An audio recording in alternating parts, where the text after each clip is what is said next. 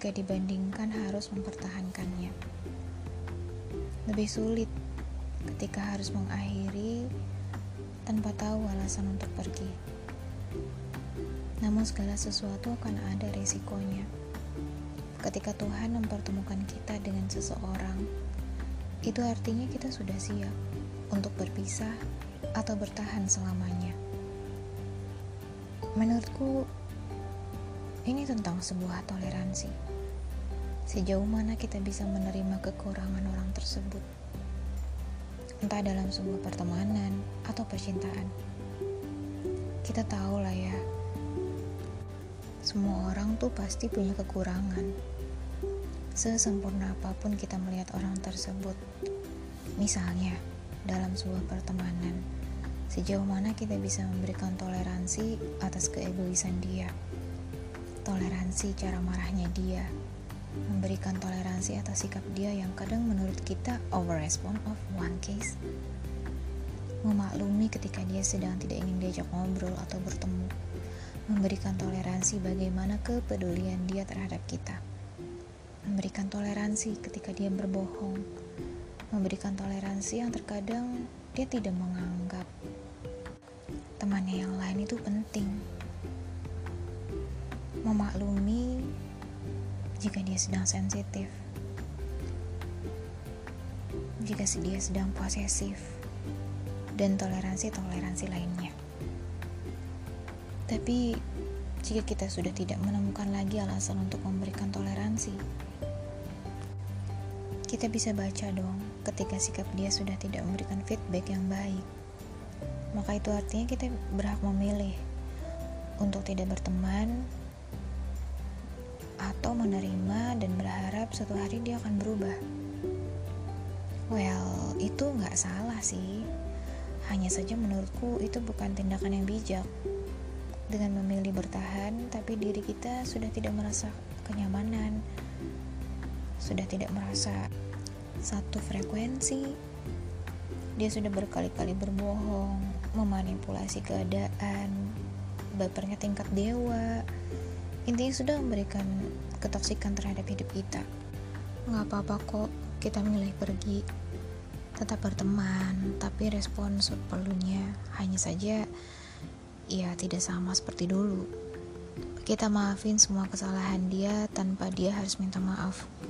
Biar saja Tuhan yang atur. Biar saja Tuhan yang membuat dia berubah.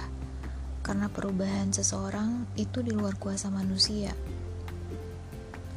hanya diri dia sendiri yang bisa push untuk berubah. Kita tidak bisa memaksakan orang lain menyelesaikan masalah di hidupnya dengan cara yang keras, seperti yang kita lakukan di hidup kita. Berdoa saja yang terbaik untuk hidupnya dia. Itu yang bisa kita lakukan. Karena kita juga harus menyelamatkan diri kita sendiri dari ketoksikan lingkungan. Kita berhak menikmati kebebasan dan kedamaian dalam sebuah friendship. Kadang kita bertahan dengan teman yang seperti itu hanya demi terlihat oleh orang lain kalau kita tuh eksis. Kita tuh gak ketinggalin informasi. Karena ada loh yang dia hadir dalam pertemanan tersebut untuk update gosip apa gitu yang sedang happening di lingkungan kantor atau kuliah yang sebenarnya dia nggak benar-benar hadir dalam pertemanan tersebut. Tidak memberikan support system yang berpengaruh terhadap hidupnya kita. Tapi kita harus jaga emosinya dia. Harus hati-hati banget nih takut dia marah takut dia tersinggung ngejaga banget moodnya dia ngikutin apa yang dia suka dan tidak suka. Tapi kita tidak memikirkan jika perasaan kita tuh juga penting Nah, karena kita tidak bisa menuntut dia bersikap yang sama dengan diri kita, ya mau tidak mau kita yang menyelamatkan diri kita sendiri. Gak apa-apa kok, udah gak temenan lagi dengan orang yang seperti itu. Kita juga gak rugi, malah lebih damai, lebih tenang, lebih tertata. Ini hidup kita, jadi kita yang pegang kendali, bukan orang lain. Apalagi ya, kalau misalnya teman tersebut tuh udah bohong berulang kali kemudian kita masih memberikan kesempatan, tapi dia tetap ngulangin hal yang sama, bahkan dia memanipulatif keadaan. Wah, itu sih nggak ada obat. Karena kepercayaan tuh kayak kaca. Kalau dipatahin sekali, retakannya masih tetap ada, meski udah berusaha direkatkan lagi. Oh iya, ada yang pernah bilang gini, kita ses orang menyakitimu lagi dan lagi. Anggaplah ia adalah amplas yang menggosok kamu.